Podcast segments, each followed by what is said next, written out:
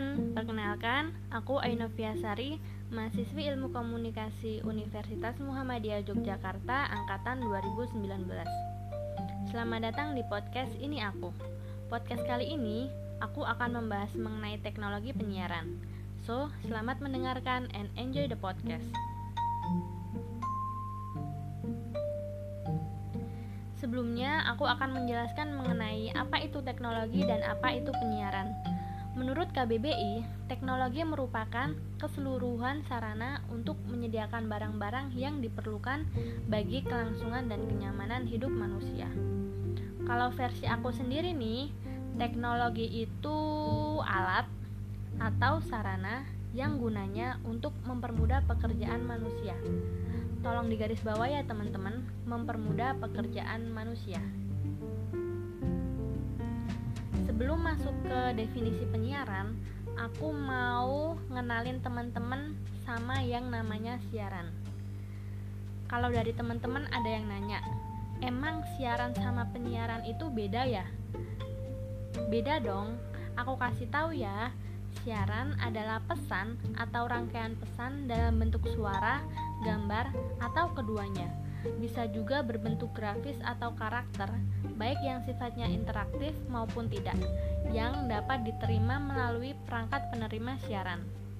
Sedangkan penyiaran adalah kegiatan pemancar luasan siaran melalui sarana pemancaran dengan menggunakan spektrum frekuensi radio melalui udara, kabel, atau media lain untuk dapat diterima secara serentak oleh masyarakat dari penjelasan-penjelasan dan definisi-definisi yang udah aku sampaikan, kira-kira teman-teman udah bisa ngambil kesimpulan lah ya tentang teknologi penyiaran itu apa sih? Kalau dari aku sendiri, menurutku teknologi penyiaran adalah alat atau sarana yang gunanya untuk mempermudah dalam kegiatan pemancar luasan siaran. Nah, Contoh, contoh dari teknologi penyiaran sendiri itu apa sih? Coba deh teman-teman lihat di sekeliling teman-teman. Kira-kira contoh yang pas untuk teknologi penyiaran itu apa? Aku hitung 1 sampai 5 ya. 1 2 3 4 5. Bener banget, televisi dan radio. Kalau teman-teman inget-inget ya, dulu sebelum perkembang dengan teknologi yang sekarang semakin cepat, teman-teman itu tidak bisa lepas sama yang namanya tontonan televisi sama dengerin radio waktu di perjalanan. Bener nggak tuh? Kalau aku sih kalau disuruh flashback ke zaman dulu SD tuh, aku suka banget sama tontonan kartun sebelum berangkat sekolah. Ada tuh satu kartun yang bener-bener membekas banget. Rudita Buti. Tapi Rudi Tabut itu bukan judulnya ya teman-teman. Aku lupa judulnya apa. Pokoknya itu tentang dunia kapur gitu gitu loh teman-teman.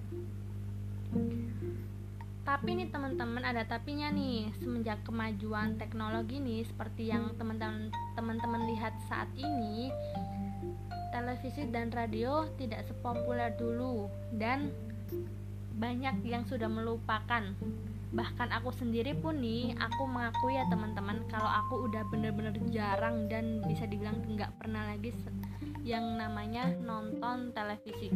Karena tontonannya itu kayak gitu terus dan ada hal lain yang lebih menyenangkan daripada televisi gitu teman-teman. Ya nggak sih? Kayak Instagram, YouTube, Twitter.